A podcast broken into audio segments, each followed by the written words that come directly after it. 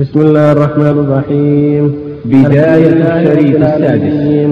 والصلاة والسلام على نبينا محمد وعلى آله وصحبه أجمعين.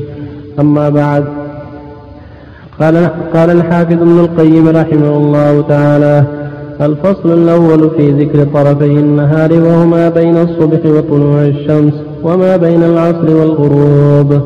قال سبحانه وتعالى يا أيها الذين آمنوا اذكروا الله ذكرا كثيرا وسبحوه بكرة وأصيلا.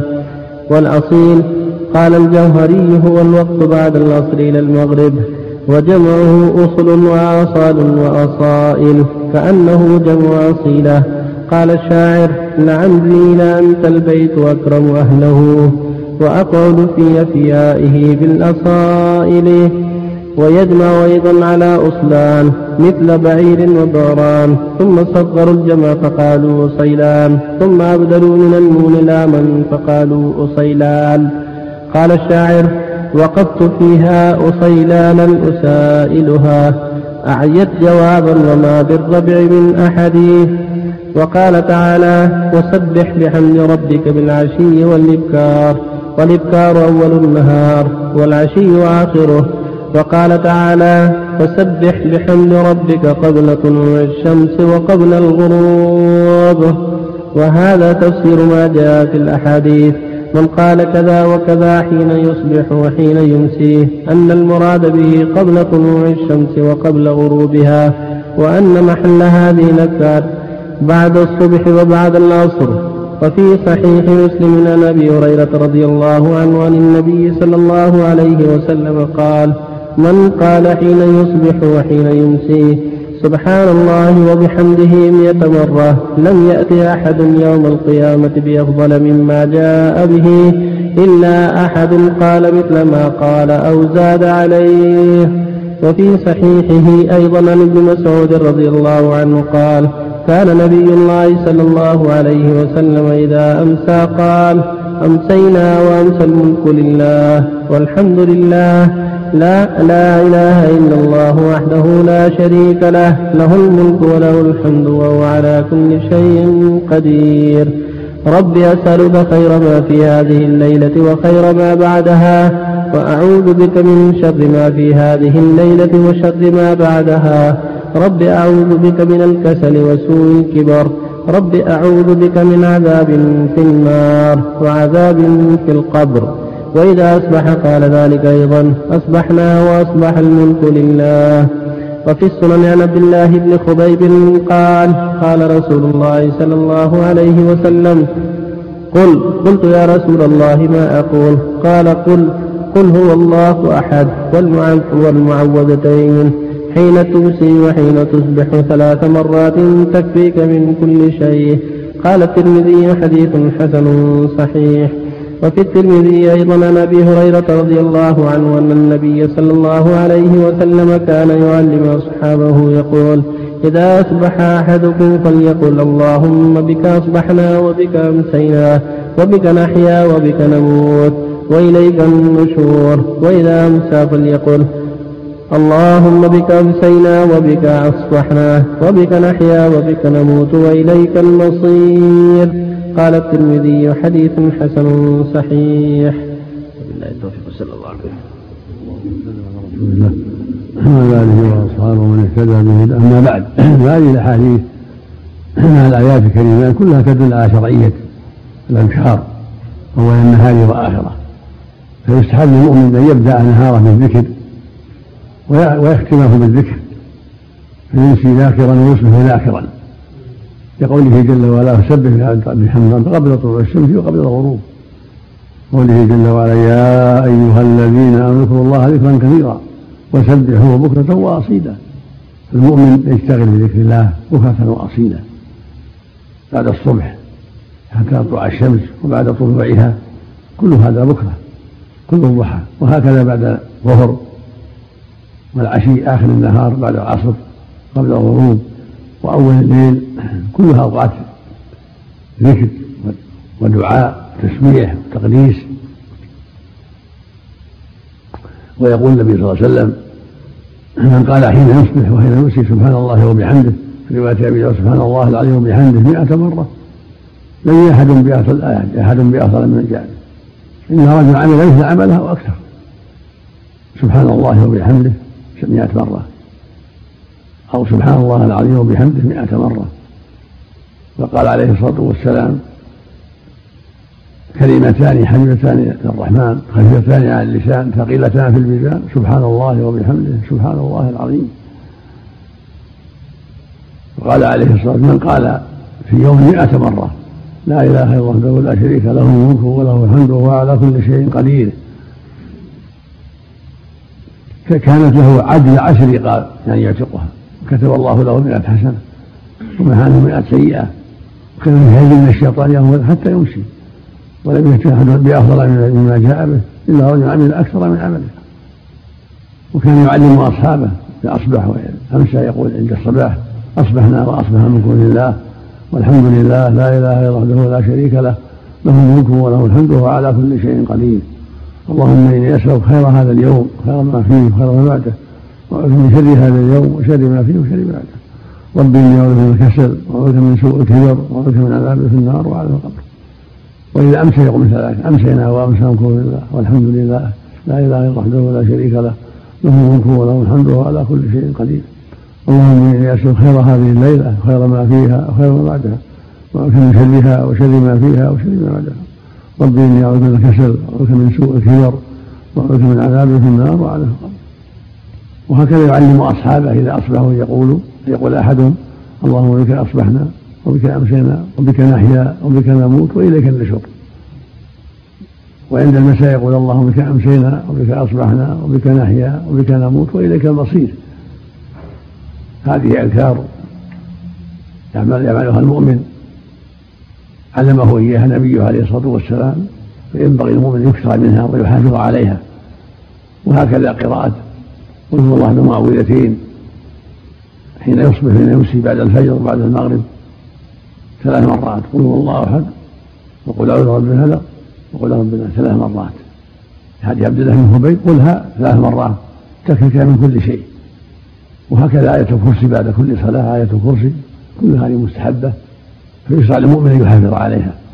وإذا أكثر من التسبيح والتحميد والتهليل والتكبير في جميع الليل والنهار هذا خير عظيم. لأن الله يقول يا أيها الذين آمنوا اذكروا الله ذكرا كثيرا. ويقول النبي صلى الله عليه وسلم سبق المفردون. قيل من المفردون؟ قال الذاكرون. الله كثيرا والذاكرات.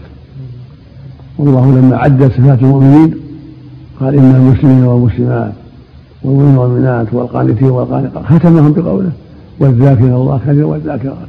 أعد الله لهم مغفرة وأجرا عظيما نسأل الله الجميع التوفيق. نسأل الله الجميع التوفيق. سبحان سبحان الله. والله أحد. تقال بعد الصلاة. الله عليك أو مطلق من ضمن الاذكار بعد الصلاة. مرة واحدة بعد الظهر والعصر.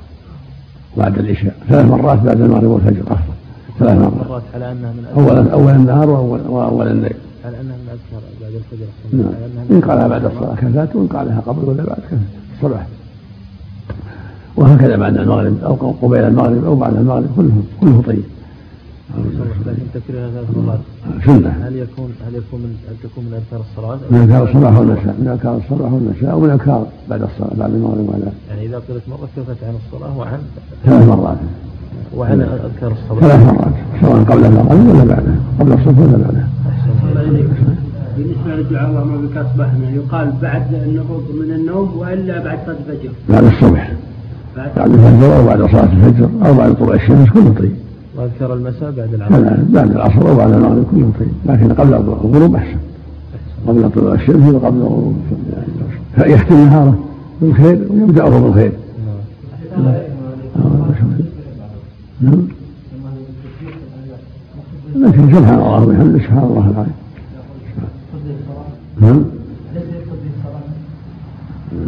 لا لا. يحتاج فسر بعضهم صلاة العصر صلاة الفجر ولكن أهل العموم يكون أكمل أهل العموم صلاة العصر قبل الغروب صلاة الفجر كذلك صباحا. لكن كونه يأتي بالتسبيح والأذكار خير إلى خير. الله إليك. أجرني من النار اللهم أجرني من النار سبعا. بعد المغرب والفجر. الشيخ ناصر ضعفه لا لا لا بأس مقارب الحديث مقارب. لأن تابعين في بعض الجهالة لكنه مقارب.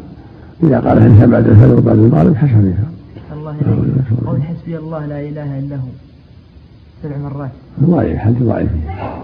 الله لا إله إلا الله سبحانه الله. لا إله إلا الله يقيم لا يستحب الصلاه دائما لكن هذه فيها النظر. لكن صلي على النبي كثير صلي عليه وسلم عليه كثيرا. الليل والنهار صلي عليه وسلم. اللهم صل عليه يقول النبي فإن أولى الناس بي أكثرهم عليه الصلاه اللهم صل عليه. قال الحافظ ابن القيم رحمه الله تعالى في فصل في ذكر طرفين في ذكر طرفي النهار وهما بين الصبح وطلوع الشمس وما بين العصر والغروب. وفي صحيح البخاري عن شداد بن عن شداد بن أوس عن النبي صلى الله عليه وسلم قال سيد الاستغفار اللهم أنت ربي لا إله إلا أنت. خلقتني وأنا عبدك وأنا, وأنا على عهدك ووعدك ما استطعت أعوذ بك من شر ما صنعت. أبوء لك بنعمتك علي وأبوء بذنبي. فاغفر لي فإنه لا يغفر الذنوب إلا أنت. من قالها حين يمسيه فمات من ليلته دخل الجنة. ومن قال حين يصبح فمات من يومه دخل الجنة. وفي الترمذي عن أبي هريرة رضي الله عنه أن أبا بكر الصديق رضي الله عنه قال لرسول الله صلى الله عليه وسلم مرني بشيء أقوله إذا أصبحت وإذا أمسيت.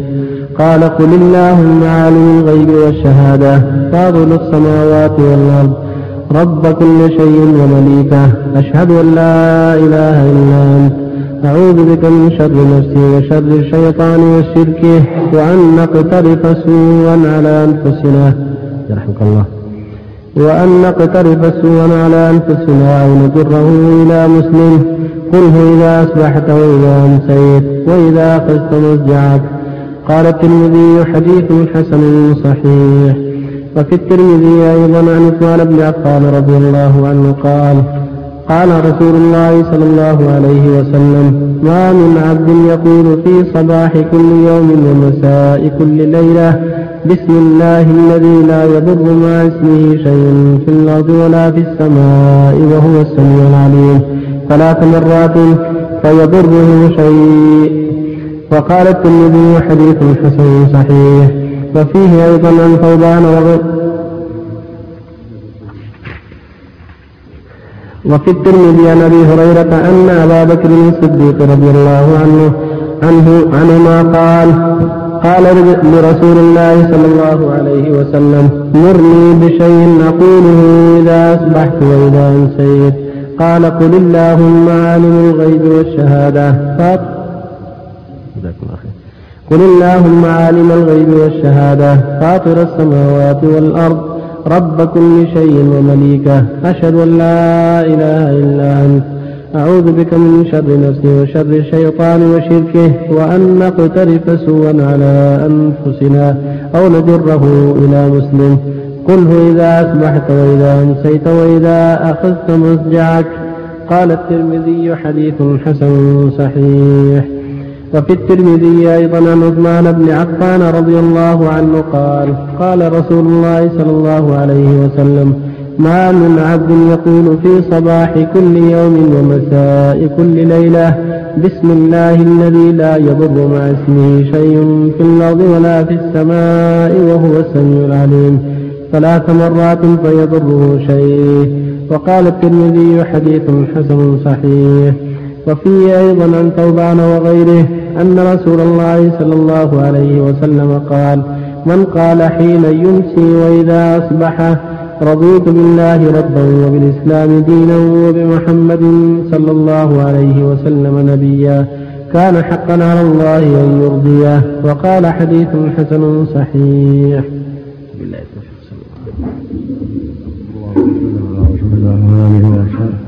أما بعد هذه أحاديث أربعة فيما يتعلق بأذكار الصباح والمساء.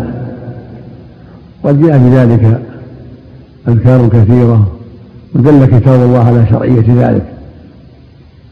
كما قال جل وعلا يا أيها الذين آمنوا اذكروا الله ذكرا كثيرا وسبحوا بكرة وأصيلا. قال جل وعلا سبح بحمد ربك قبل طلوع الشمس وقبل الغروب. من الليل فسبحوا وأدبار السجود. الذكر مشروع للمؤمن في جميع الأوقات. ولكن في أول النهار وأول الليل يتأكد ذلك حتى يختم نهاره بالذكر ويبدأ ليله بالذكر ويبدأ نهاره بالذكر. ومن ذلك سيد الاستغفار.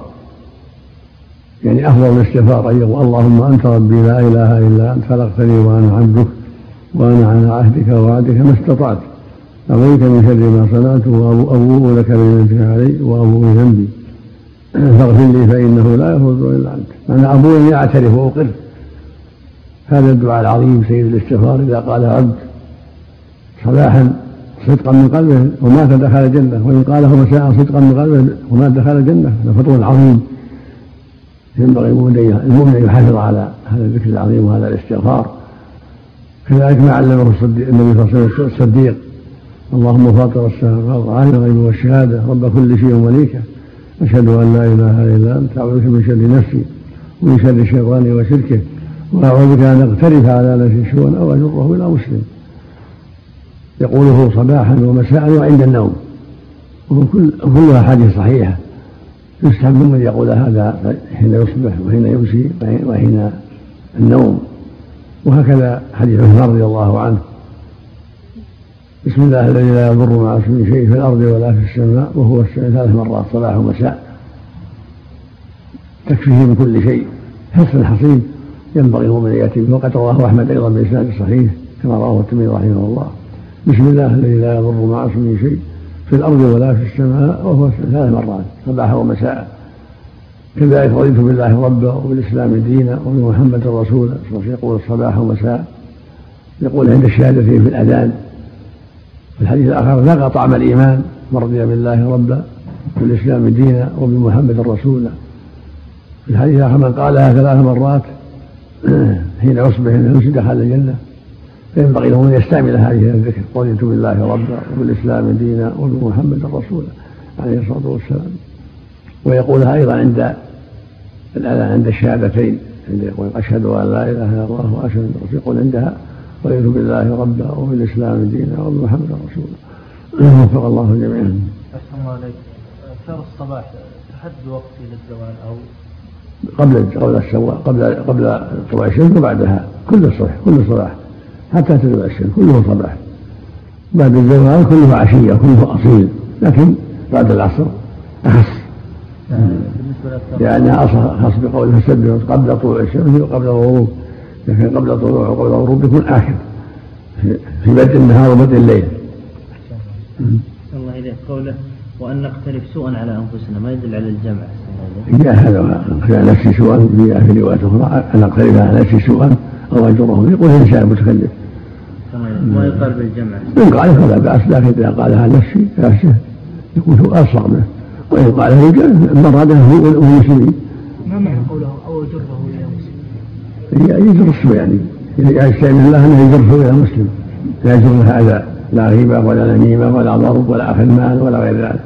ما صحة حديث أنه عندما مر صلى الله عليه وسلم على رجل قالوا علامة قالوا ما, ما في أي شيء؟ قالوا الأنساب قال علم لا ينفع لا يضر ما أعلم ما عندي خبر.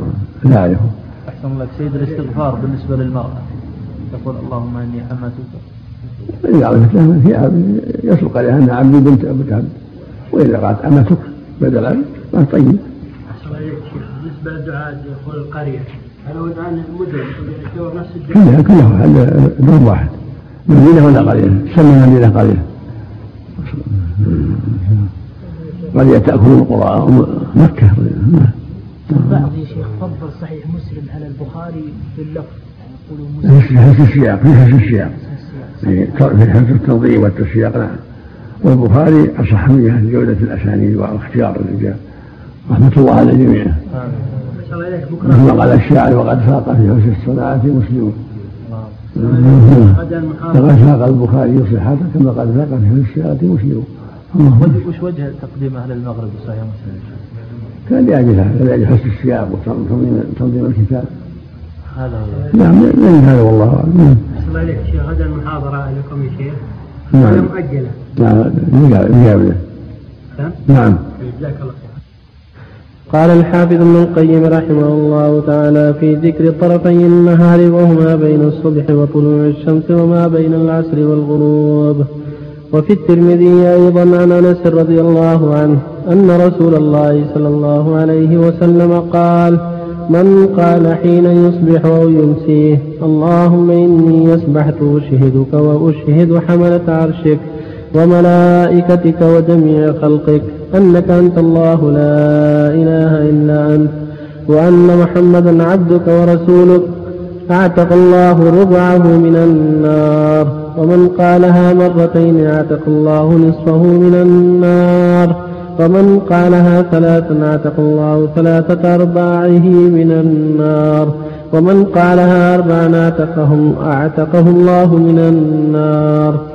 وفي سنن أبي داود عن عبد الله بن غنام أن رسول الله صلى الله عليه وسلم قال من قال حين يصبح اللهم ما أصبح بي من نعمة أو بأحد من خلقك فمنك وحدك لا شريك لك لك الحمد ولك الشكر فقد أدى شكر يومه ومن قال مثل ذلك حين يمسي فقد أدى شكر ليلته. وفي السنن وصحيح الحاكم عن عبد الله بن عمر رضي الله عنهما قال لم يكن النبي صلى الله عليه وسلم يدع هؤلاء الكلمات حين يمسي وحين يصبح وحين يصبح. اللهم إني أسألك العافية في الدنيا والآخرة. اللهم إني أسألك العفو والعافية في ديني ودنياي.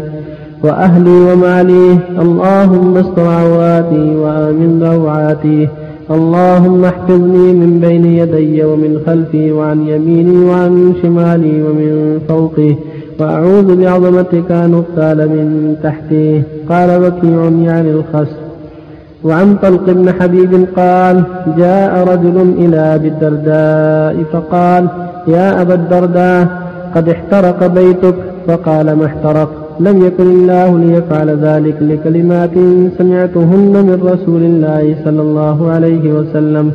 من قالها أول النهار لم تصبه مصيبة حتى يمسيه. ومن قالها آخر النهار لم تصبه مصيبة حتى يصبح. اللهم أنت ربي لا إله إلا أنت. عليك توكلت وأنت رب العرش العظيم. ما شاء الله كان. ومن لم يشأ لم يكن. ما شاء الله كان وما لم يشأ لم يكن ولا حول ولا قوة إلا بالله العلي العظيم. فاعلم أن الله على كل شيء قدير وأن الله قد أحاط بكل شيء علما. اللهم إني أعوذ بك من شر نفسي ومن شر كل دابة أنت آخذ بناصيتها. إن ربي على صراط مستقيم. وفي سنن أبي داود عن عبد الله بن غنام أن رسول الله صلى الله عليه وسلم قال من قال حين يصبح اللهم ما أصبح بي من نعمة أو بأحد من خلقك فمنك وحدك لا شريك لك لك الحمد ولك الشكر فقد أدى شكر يومه ومن قال مثل ذلك حين يمسي فقد أدى شكر ليلته. بالله التوفيق الله وعلى آله وأصحابه من اهتدى به أما بعد. هذه الأحاديث الأربعة كلها تتعلق بالثناء على الله واللجأ إليه والثناء عليه سبحانه وتعالى بما هو أهله. الله يحب من عباده أن يثنوا عليه ويحمدوه ويشكروه. ولهذا قال صلى الله عليه وسلم أحب ثناء الله أربع سبحان الله والحمد لله ولا إله إلا الله والله أكبر. قال صلى الله عليه وسلم الباقيات الصالحات سبحان الله والحمد لله ولا إله إلا الله والله أكبر ولا حول ولا قوة إلا بالله. وقال صلى الله عليه وسلم كلمتان خفيفتان على اللسان ثقيلتان في الميزان حبيبتان الرحمن سبحان الله وبحمده سبحان الله العظيم. كل هذا يبين أنه سبحانه يحب الثناء ويحب الحمد. ومن هذا هذه الأحاديث حديث من قال حين يصبح اللهم إني اصبحت اشهدك واشهد ملائكتك وحملة عرشك وجميع خلقك أنك أنت الله لا إله إلا أنت وحدك لا شريك لك وأن محمد عبدك ورسولك. أعتق الله ربعه من النار فاذا كرر مرتين نصفه من النار ثلاثا ثلاثة أربعة أربعة أربعة أربعة. يعني ذلك اليوم كما في الرواية الأخرى ذلك اليوم. ففي هذا استحباب هذا الثناء. هو حديث لا بأس بإسناد جيد يدل على أن لا بأس بهذا الثناء وأنه حسن مطلوب. اللهم إني أصبحت أشهدك وأشهد ملائكتك وحملة عرشك وجميع أهلك أنك أنت الله لا إله إلا أنت وحدك لا شريك له وأن محمد عبدك ورسولك صلى الله عليه وسلم. هذا فيه ثناء عظيم على الله جل وعلا ومن أسباب العتق من النار. كذلك اللهم أصلح بالنعمة أو بأحد من خلقك فمنك وحدك لا شريك لك الحمد ولك الشكر. هذا أيضا من أسباب أداء الشكر. من قالها صباح فقد أدى شكر ذلك اليوم ومن قالها مساء أدى شكر ذلك الليل. اللهم به النعمة أو بأحد من خلقك فمنك وحدك فلك الحمد ولك الشكر.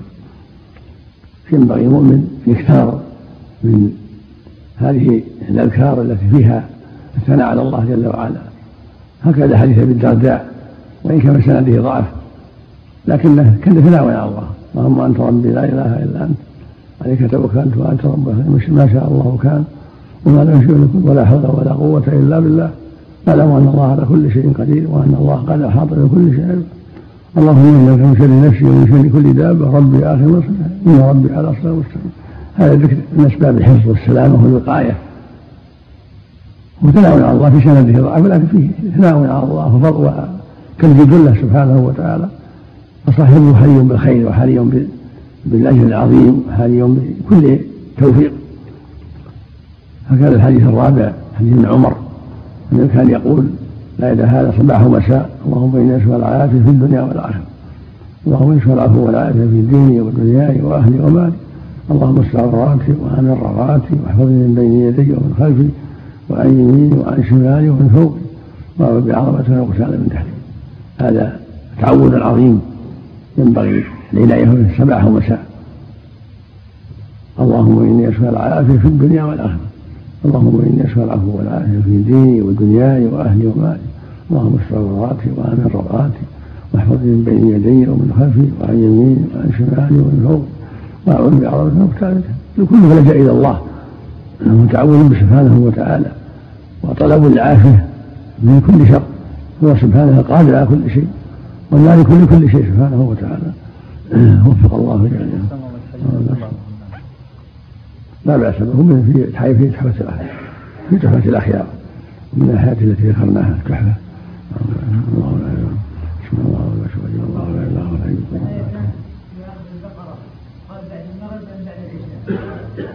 في الليل في الليلة. في الليلة. من قال في كفتاه بعد المغرب وبعد العشاء. كله طيب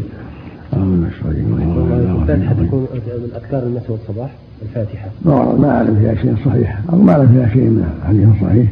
وهي أفضل القرآن أعظم سورة في القرآن.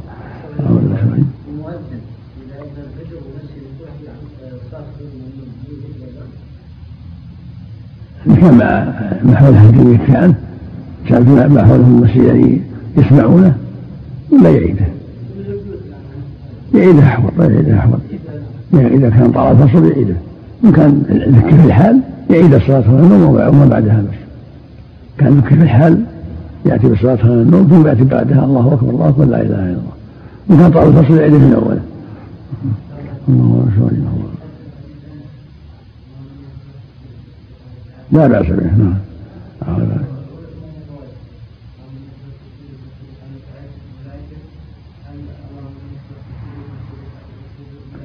وحملة عرشه وجميع خلقه فما كان انت الله لا إله إلا هل المسلم ينبغي لاخيه يقول في شيء اختلفوا فيه يقول أبغضك في الله؟ إذا كان قد أظهر المعاصي والبدع يبعدك على قدر المعاصي يبغضك في الله على قدر المعاصي أظهرها أو البدع نعم ويحبه على قدر الإسلام معه والإيمان. يعني ممكن يقول له أبغضك في الله. يكون مبعض يكون مبعض يحبك في الله لإسلامك وابغضك في الله لمعاصيك الظاهرة. يكون يكون بعض جزاك الله بسم الله الرحمن الرحيم. الحمد لله رب العالمين والصلاة والسلام على نبينا محمد وعلى آله وصحبه أجمعين. أما بعد قال الحافظ ابن القيم رحمه الله تعالى في أذكار النوم في الصحيحين عن حذيفة رضي الله عنه قال كان رسول الله صلى الله عليه وسلم إذا أراد أن ينام قال باسمك, باسمك اللهم أموت وأحياه وإذا استيقظ من منامه قال الحمد لله الذي أحيانا بعدما ماتنا وإليه النشور. وفي الصحيحين أيضا عن عائشة رضي الله عنها أن النبي صلى الله عليه وسلم كان إذا أوى إلى فراشه كل ليلة جمع كفيه ثم نفث فيهما يقرأ فيهما قل هو الله أحد وقل أعوذ برب الفلق وقل أعوذ برب الناس ثم يمسح بهما ما استطاع من جسده يبدأ بهما على رأسه ووجهه وما, وما أقبل من جسده يفعل ذلك ثلاث مرات. وفي صحيح البخاري عن أبي هريرة رضي الله عنه أنه أتاه ات يحكو من الصدقة وكان قد جعله النبي صلى الله عليه وسلم عليها ليلة بعد ليلة. فلما كان في الليلة الثالثة قال لأرفعنك إلى رسول الله صلى الله عليه وسلم قال دعني أعلمك كلمات ينفع. دعني أعلمك كلمات ينفعك الله بهن وكان أحرص شيء على الخير. فقال إذا أويت إلى فراشك فاقرأ آية الكرسي.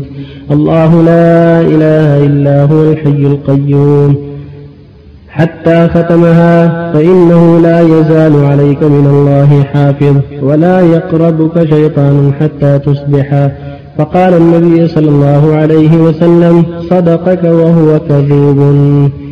وقد روى الإمام أحمد نحو هذه القصة في مسنده أنها جرت لأبي الدرداء ورواها الطبراني في معجمه أن وقد روى الإمام أحمد نحو هذه القصة في مسنده أنها جرت لأبي الدرداء ورواها الطبراني في معجمه أنها جرت لأبي بن كعب وفي الصحيحين عن أبي مسعود الأنصاري عن النبي صلى الله عليه وسلم قال من قرأ بالآيتين من آخر سورة البقرة في ليلة كفتاه الصحيح أن معناها كفتاه من شر ما يؤذيه وقيل كفتاه من قيام الليل وليس بشيء. وقال علي بن أبي طالب ما كنت أرى أحدا يعقل وينام قبل أن يقرأ الآيات الثلاث الأواخر من سورة البقرة. بالله التوفيق صلى الله على رسول الله. وآله وأصحابه ومن اهتدى أما بعد هذه الأحاديث الأربعة كلها تتعلق بالآداب الشرعية. من النوم واليقظة إن الرسول صلى الله عليه وسلم بعثه الله بالآداب الشرعية في نومه ويقظته وفي صومه وفطره وفي سفره وإقامته وفي جميع أحواله. في جميع أحواله عليه الصلاة والسلام. الله جل وعلا علمه الآداب الشرعية. وأرشد إليها الأمة كما قال تعالى وإنك لعلى خلق عظيم. قال تعالى قد كان لكم في رسول الله أسوة حسنة. لمن كان يرجو الله واليوم الآخر وذكر الله كثيرا. كان النبي صلى الله عليه وسلم إذا أوى إلى فراشه قال اللهم باسمك أحيا وأموت. باسمك نموت ونحيا. يعني بسم الله موت الإنسان وحياته. بيد الله جل وعلا. موت الإنسان وحياته. ولهذا يقول اللهم باسمك نموت ونحيا. والنوم نوع من الموت. واليقظة نوع من الحياة. الحياة حياتان. حياة اليقظة من النوم وحياة الآخرة. والموت كذلك.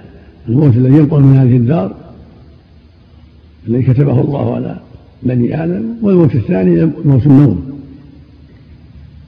الله جل وعلا بيده هذا وهذا سبحانه وتعالى. كما قال تعالى الله يتوفى الأنفس حين موتها والتي لم تمت في منامها. فيمسك التي قضى عليها الموت ويرسل الله إلى أجل مسمى.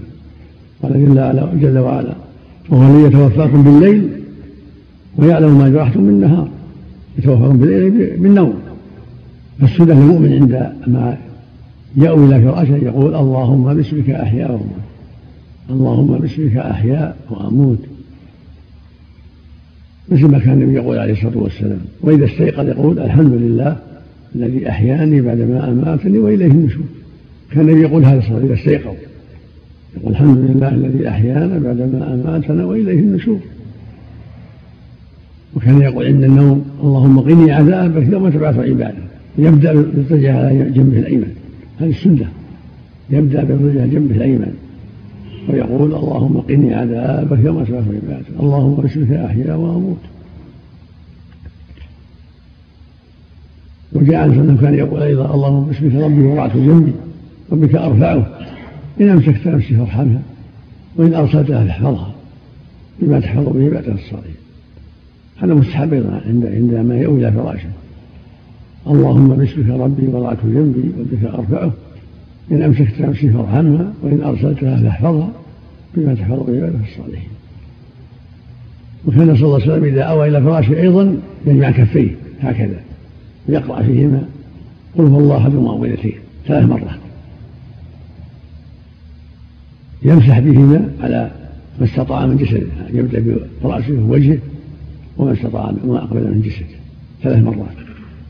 ينفث في كفيه قل هو الله أحد ولا رب الفلق ولا رب الناس يمسح على رأسه ووجهه وصدره كما كان النبي يفعل عليه الصلاة والسلام ثلاث مرات. يكررها ودل وأخبر ارشد الأمة عليه الصلاة والسلام أن من قرأ آية الكرسي لا يزال معه من الله حافظ ولا يقربه حتى يصبح إذا قالها عند النوم. وكان أصل ذلك أن أبا هريرة رضي الله عنه كان يحرص على صفات الفطر على صدقة الفطر. على ما تجمع منها عند النبي صلى الله عليه وسلم كان يحرصها أبو هريرة فجاءه الشيطان في صورة إنسان يأخذ من التمر يسرق. فأمسكه أبو هريرة فقال دعني أنا ضعيف أنا فقير عندي عيال. فباخذ بعض الشيء. فرحمه أبو هريرة وأخذ وقال لا أعود. فلما أصبح أبو هريرة وأتى النبي صلى الله عليه وسلم صار الوحي قد أتى النبي من السماء الوحي بقصة الجن هذا الشيطان. فقال له النبي صلى الله عليه وسلم يا أبا هريرة ما فعل أسيرك؟ يعني رجل اللي جاء في البارحة. قال يا رسول الله زعم أنه فقير وأن عليه عيال فرحمته. قال كذب وسيعود. قال أبو هريرة فعلمت أنه سيعود. لما قال أنه سيعود علمت أنه سيعود فرصدته فلما جاء الليتان جاء يحثو فأمسك أبو هريرة. فقال مثل قول أنا فقير أنا مساكين أنا عندي عيال أنا ارحمني أنا ما أعود. خذ تركه خذ بعض التمر. فلما اصبح اتى أبو أبو هريرة فقال يا رسول يا أبا هريرة ما فعل اسيرك؟ قال زعم أنه فقير وأنه ذو عيال ورحمته قال كذب وسيعود. قال أبو فعلمت أنه سيعود. فرصده في الليلة الثالثة فجاء يحثو فأمسكه أبو هريره قال لي هي ثالثة أنت تقول ما أعود وعدت. هي ثالثة. لا عنك إلى رسول الله صلى الله عليه وسلم. فقال يا ابا هريرة دعني أعلم كلمات ينفعك الله بها. إذا قلتها عند النوم ما يزال معك من الله حافظ ولا يقربك شيطان حتى تصبح. أبي أعلمك هذه؟ دعني لا تصبح بالنبي صلى الله عليه وسلم. كانوا أحرص الناس على الخير. كان الصحابة أحرص الناس على الخير. يحبون فائده العلم.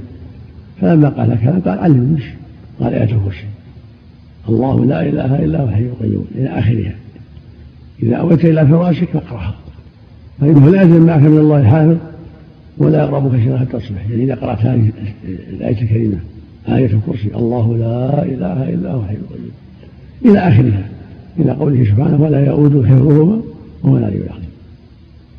قال فإنه لا يزال معك من الله حافظ ولا يقربك شيطان حتى تصبح وهذه الآية أعظم آية في القرآن. هي أعظم آية في القرآن. كما أن الفاتحة أعظم سورة. وأفضل سورة في القرآن الفاتحة. وأعظم آية في القرآن الكريم هذه الآية آية الكرسي. فلما أصبح أبو هريرة أتى النبي صلى الله عليه وسلم فأخبره بقصة مع هذا السائل فقال النبي صلى الله عليه وسلم صدق فهو كذوب يعني صدق في قوله إن من قرأ هذه الآية لا يزال عنه الحافظ يقربه شيطان وهو كذوب في شؤونه كلها. هذا يفيد أن الشيطان قد يصدق لمصلحته قد يحدث بأحاديث صدق لمصلحته. ويفيد فضل هذه الآية وأن يستحب قولها عند النوم وأنها من أسباب الحفظ والسلامة إذا قالها عند النوم. حتى يصبح. وهكذا الآيتان من آخر سورة البقرة. من قالها في الليلة كفتاه يعني كفتاه من كل سوء. يعني حفظه الله بهما من كل سوء. وهما آمن الرسول من ربه المؤمنون إلى آخر السورة. آيتان. يستحب قراءتها قراءتهما في كل ليلة. لما في قراءتهما من الفائدة التي بينها النبي عليه الصلاة والسلام. من قرأهما في ليلة كفتاه يعني كفتاه من الشر. يعني حفظه الله بهما. وهذا فضل عظيم مع عمل يسير. الإنسان يأتي بهذا مخلصا لله مصدقا النبي عليه الصلاة والسلام يرجو من الله أن يحقق له ما أخبر به النبي عليه الصلاة والسلام وفق الله الجميع. الله بالنسبة في الله بالنسبة للأطفال يجمع لا يقول له مثل ما قال النبي صلى الله عليه وسلم بكلمات الله التامات من شر ما خلق. يعني هذه خاصة بالشخص نفسه. كان كان يعوذ الحسن والخير يقول اعيذكما بكلمات الله التامة من كل شيطان وهامه ومن كل عين لامة ويكفي. بالنسبة إذا أراد الإنسان أن يقول يا اللهم أموت وأحيا في الليل يعني بعد صلاة الفجر ممكن يكررها أو بعد العصر؟ ما مانع قالها عند النوم لكن ما في مانع. لو قالها عند النوم في أو ما في مانع كلام طيب. أحسن الله إليك. بعض الناس ينام على بطنه يحتاج على ذلك. هل ياتي لا ما ينبغي ما ينبغي. النبي صلى الله عليه وسلم أنكر على من فعل ذلك. الإنسان ينام على جنبه ولا مستقيم. لا ينام على بطنه. الله عليك لو الأب أو الأم مريضا هل يقرأ من هي عليهم؟ طيب. إذا أنفع عليهم طيب. أو على ولده ما إيش؟ هل يؤخذ من فعل أبي هريرة أن الحارس إذا كان مسلما على مال غير المسلمين له بعض التصرف له حق التصرف بعض الشيء ما فعل أبو هريرة؟ ما دام الفقراء لا مثل ما فعل أبو هريرة؟ مجتهد أما ما دام الشيء للفقراء الشيء اليسير الذي الذي في في مقصود الأمانة هذه. اذا كان شيء يسير واجتهد فيه. النبي ما أنكر على ابو هريرة. بعضهم يقول إن أبو هريرة انتفع بالجن أو الشيطان انه يجوز أن ينتفع بالجان الآن أو الشياطين. وأن هذه الشبهة هم يقولونها هذا. هذا ما درى عن جاء يسرب ما درى إلا بإخبار النبي صلى الله عليه وسلم. لما أخبر عن الشيخ الله هذه مطالب دين. نعم. أقول هذه مطالب دين بعضها لها معرفة لا حاجة إيه؟ ولكن وش عمل بها؟ صدق بها عنهم أصدق لهم؟ إيه بالنية ها؟ بالنية عنهم بالنية عنهم بالنية عنهم بالنية بالنية. بالنية عنهم بالنية عنهم ما تعرف إيه. ولا تعرف رصدته واللي ما عارف تصدق له. واللي عارف عن عارف تعطي حقه نعم جزاك الله خير. الله جزاك الله أحسن الله عليك النفي يكون قبل القراءة أو بعد القراءة؟ بعد القراءة إذا نفت واستيقظت أعيد النفس ثانية؟ نعم. ولا تكفي مرة واحدة؟ شلون؟ إذا إذا نفت ونمت واستيقظت. قال الحافظ ابن القيم رحمه الله تعالى في أذكار النوم. وفي الصحيحين عن أبي هريرة رضي الله عنه أن رسول الله صلى الله عليه وسلم قال إذا قام أحدكم عن فراشه ثم رجع إليه فلينفضه بصنفة إزاره ثلاث مرات فإنه لا يدري ما خلفه عليه بعده. وإذا استجع فليقل باسمك, باسمك اللهم ربي وضعت جنبي وبك أرفعه فإن أمسكت نفسي فارحمها وإن أرسلتها فاحفظها بما تحفظ به عبادك الصالحين. ففي الصحيحين عنه عن النبي صلى الله عليه وسلم إذا استيقظ أحدكم من نومه فليقل الحمد لله الذي عافاني في جسدي ورد علي روحي وأذن لي بذكر بذكره. وقد تقدم حديث علي ووصية النبي صلى الله عليه وسلم له ولفاطمة رضي الله تعالى عنهما أن يسبحا إذا أخذا مضاجعهما للنوم ثلاثا وثلاثين ويحمدا ثلاثا وثلاثين ويكبرا أربع وثلاثين وقال هو خير لكما من خادم. وقال شيخ الإسلام ابن تيمية قدس الله روحه. بلغنا أنه من حافظ على هذه الكلمات لم يأخذ إعياء فيما يعانيه من شغل وغيره. ففي سنن أبي داود عن حفصة أم المؤمنين رضي الله عنها أن النبي صلى الله عليه وسلم كان إذا أراد أن يرقد وضع يده اليمنى تحت خده ثم يقول اللهم قني عذابك يوم تبعث عبادك ثلاث مرات. قال الترمذي حديث حسن. وفي صحيح مسلم عن أنس أن النبي صلى الله عليه وسلم كان إذا أوى إلى فراشه قال الحمد لله الذي أطعمنا وسقانا وكفانا وآوانا فكم ممن لا كافي له ولا مؤويه. وفي صحيحه أيضا عن ابن عمر رضي الله عنهما أنه أمر رجلا إذا أخذ مسجعه أن يقول اللهم أنت خلقت نفسي وأنت تتوفاها لك مماتها ومحياها إن أحييتها فاحفظها. وإن متها فاغفر لها اللهم إني أسألك العافية. قال ابن عمر سمعتهن من رسول الله صلى الله عليه وسلم. بالله صلى الله عليه وسلم. وعلى آله وأصحابه من اهتدى أما بعد. هذه هذه كالتي قبلها في أذكار النوم واليقظة المؤمن يستحب أن يتأدب بالآداب الشرعية عند نومه وفي يقظته لأن الشريعة الإسلامية جاءت بالآداب الشرعية في النوم واليقظة الصباح والمساء عند الأكل والشرب عند اللقاء إلى غير ذلك. فالمؤمن يتحرى الآداب الشرعية في جميع شؤونه ومن ذلك التحري عند النوم. تقدم أنه يضع يضطجع جنبه الأيمن هذا هو الأفضل ويكون على طهارة ويقول اللهم اشف ربي وضعت جنبي يومك ارفعه إن أمسكت نفسي فارحمها وإن أرسلتها فاحفظها بما تحفظ به عبادك الصالحين. ويقول اللهم اشفك احيا واموت كل هذا عند النوم. اللهم اشفك أحيا وأموت. باسمك أموت وأحيا. اللهم اشفك ربي وضعت جنبي وبك أرفعه. إن أمسكت نفسي فارحمها وإن أرسلتها فاحفظها بما تحفظ به عبادك الصالحين. الحمد لله الذي أطعمنا وسقانا وكفانا وآوانا. من لا كم من الناس لا ليس له كافي ولا مؤوي لكن المسلم كفاه الله وآواه. فيقول عند النوم الحمد لله الذي أطعمنا وسقانا وكفانا وآوانا. فكم من لا كافي له ولا مؤوي اللهم قني عذابك يوم تبعث عبادك. كما في حديث حفصة. اللهم قني عذابك يوم تبعث عند النوم على شقه الأيمن. توسد له اليمنى ويقول اللهم قني عذابك يوم تبعث ثلاث مرات. في حديث انس اللهم خلقت أنت خلقت نفسي وأنت توفاها لك محياها وماتها. فإن فإن أمتها فإن أحييتها فاحفظها وإن أمتها فاغفر لها. اللهم إني أسألك العافية. كل هذا من الآداب الشرعية. وهذه الأرواح كلها بيد الله جل وعلا؟ بيده قبرها وإرسالها محياها ومماتها. كما قال عز وجل الله توفاهم حين موتها والتي لم تمت في منامها. فيمسك التي قضى عليها الموت ويرسل الأخرى إلى أجل مسمى. هذا معنى الحديث. اللهم أنت خلقت نفسي وأنت توفاها.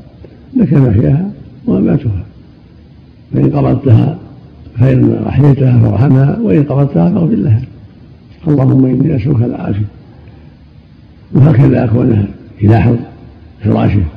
إذا قام ثم عاد ينفض بطرف ثوبه أو بغيره لا يدري ماذا حلفه فيه ثلاث مرات. هذا من باب الحيطة الشرعية. كذلك إذا استيقظ والحمد لله الذي رد علي روحي وعافاني في جسدي وأني بذكره. هذا من الأذكار الشرعية. الحمد لله الذي رد علي روحي وعافاني في جسدي وأني بذكره. وعندنا يسحب له أيضا أن يقول ما أوصى به النبي عليا وفاطمة. أوصاهما عند النوم بالتسبيح والتهميل والتكبير. جاءت فاطمة النبي صلى الله عليه وسلم تطلبه خادما لأن قد أتعبها عمل البيت وعمل الرحى و... فلم تجد عنده خادما. وأوصاها قال قولا عند النوم سبحان الله ثلاثة وثلاثين والحمد لله ثلاثة وثلاثين والله أكبر أربعة وثلاثين. هو خير لكم من خادم. قالت فاطمة فاستعملت هذا فلم أجد تعبا بعد ذلك. التسبيح والتهليل والتهليل من أسباب القوة والنشاط في الأعمال. فالعامل في في بناء في مزرعته في غير ذلك. إذا استعمل التسبيح والتحميد والتكبير والتهليل كان عونا له على أعماله. يجد هذا نشاطا وقوة في عمله وهكذا عند الدم. يقول سبحان الله والحمد لله والله أكبر ثلاث مرة. ويزيد تكبيره في التكبير تكون 34 أجل 100 عند النوم. هكذا أرشد النبي صلى الله عليه وسلم فاطمة وعلي رضي الله عنهما. وفق الله جميعا.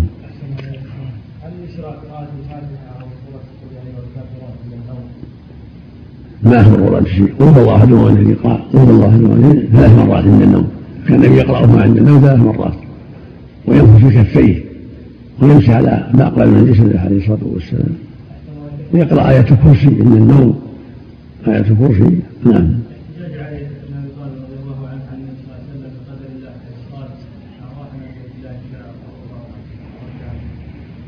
النبي صلى الله عليه وسلم استنكار في ذلك فسره يقول هكذا وكان الإنسان أكثر شيء جدلا. ما راى النبي هكذا نعم صلى الله عليه وسلم.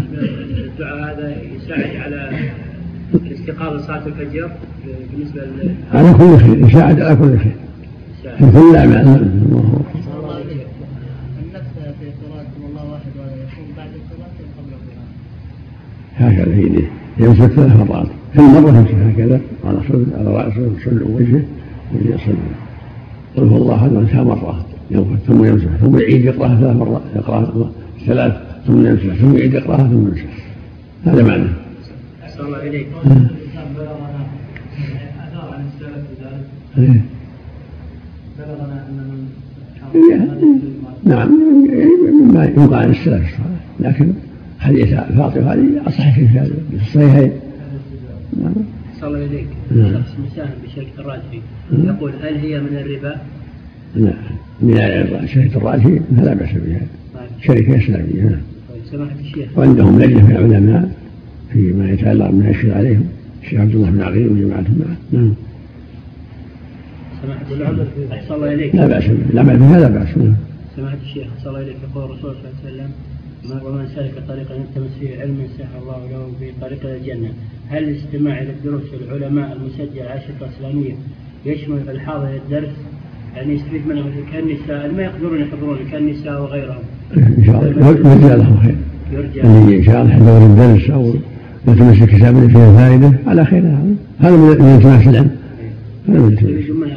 طلب الكتب النافعة وطلب الأشرطة وحضور الخطب وحضور المحاضرة كلها من طلب العلم